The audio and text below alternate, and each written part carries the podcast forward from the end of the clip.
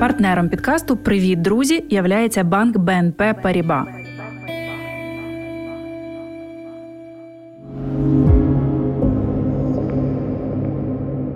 Привіт, привіт, przyjaciele. przyjaciele. Привіт!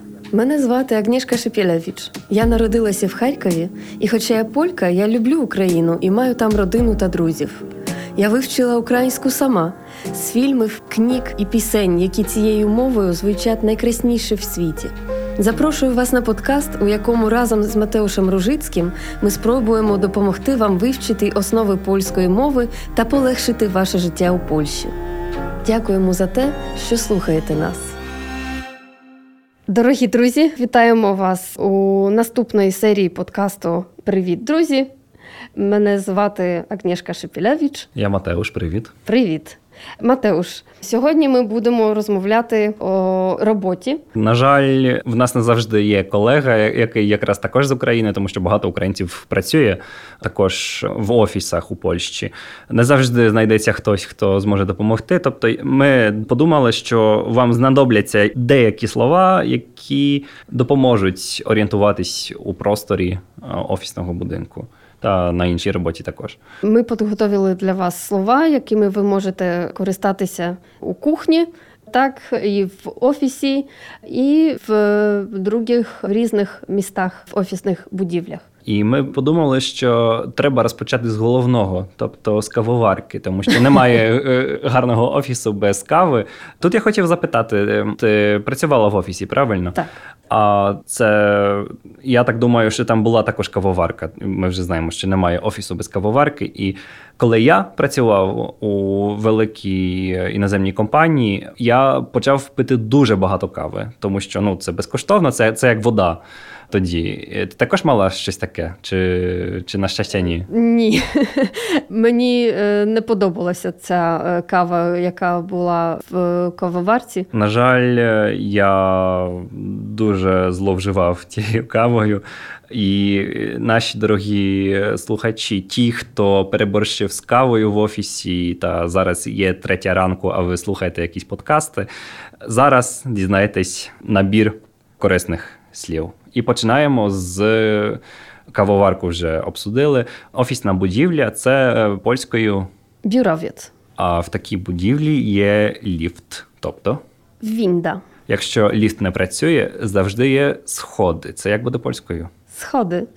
Бачите, друзі, не так вже все тяжко.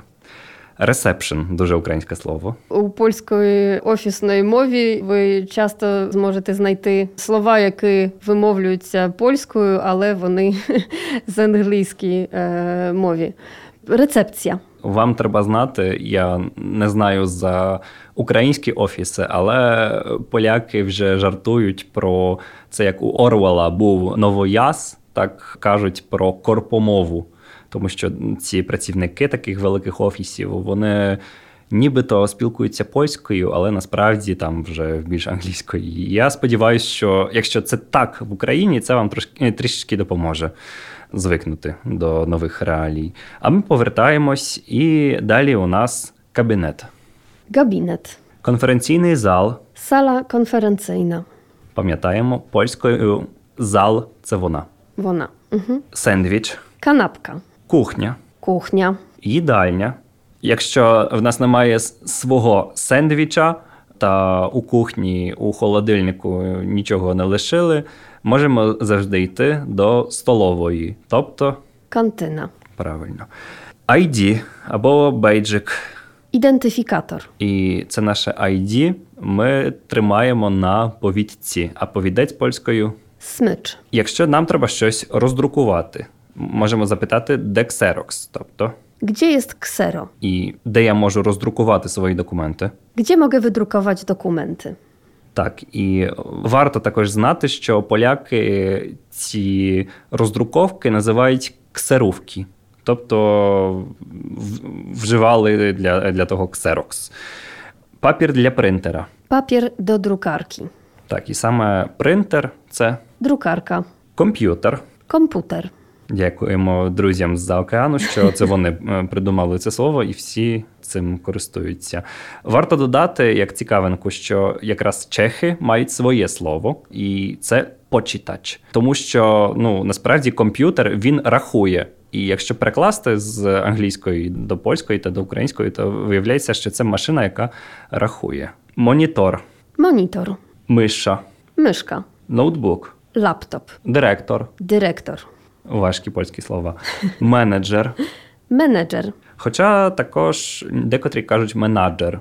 Це вже другорядна справа. Людські ресурси, human resources або HR, відділ кадрів, dział kadr, водій, kierowca, вчитель. nauczyciel, А якщо це вона, це вчителька, тобто nauczycielka, експерт, specjalista, продавець, sprzedawca, продавщиця. sprzedawczyni albo ekspedientka. Так, хоча я це слово дуже довго вже не чув. Це таке, знаєш, таке, таке трішечки радянське вже таке.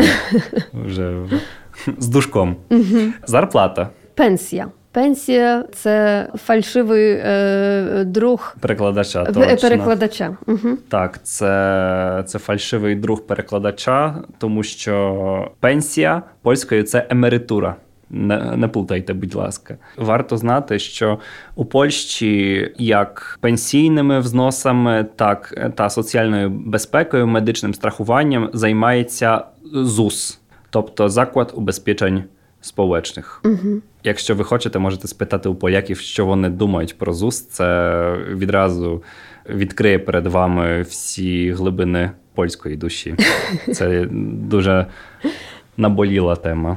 Так, ви зможете дізнатися, куди багато слів польською, е, які не треба вчити, які не треба повторювати. Так, це буде єдиний шанс поповнити запас польських матюків.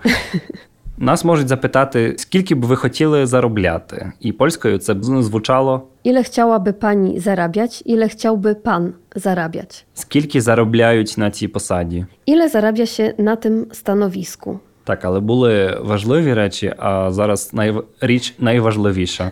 Вибачте, будь ласка, а де туалет? Szukam łazienki. Так, і цим оптимістичним акцентом закінчимо, я думаю. Дякуємо вам за те, що ви слухаєте нас. Дякуємо, друзі, що ви були з нами, і сподіваємось, що ви почуєте нас ще неоднократно. Дякуємо. Дякуємо.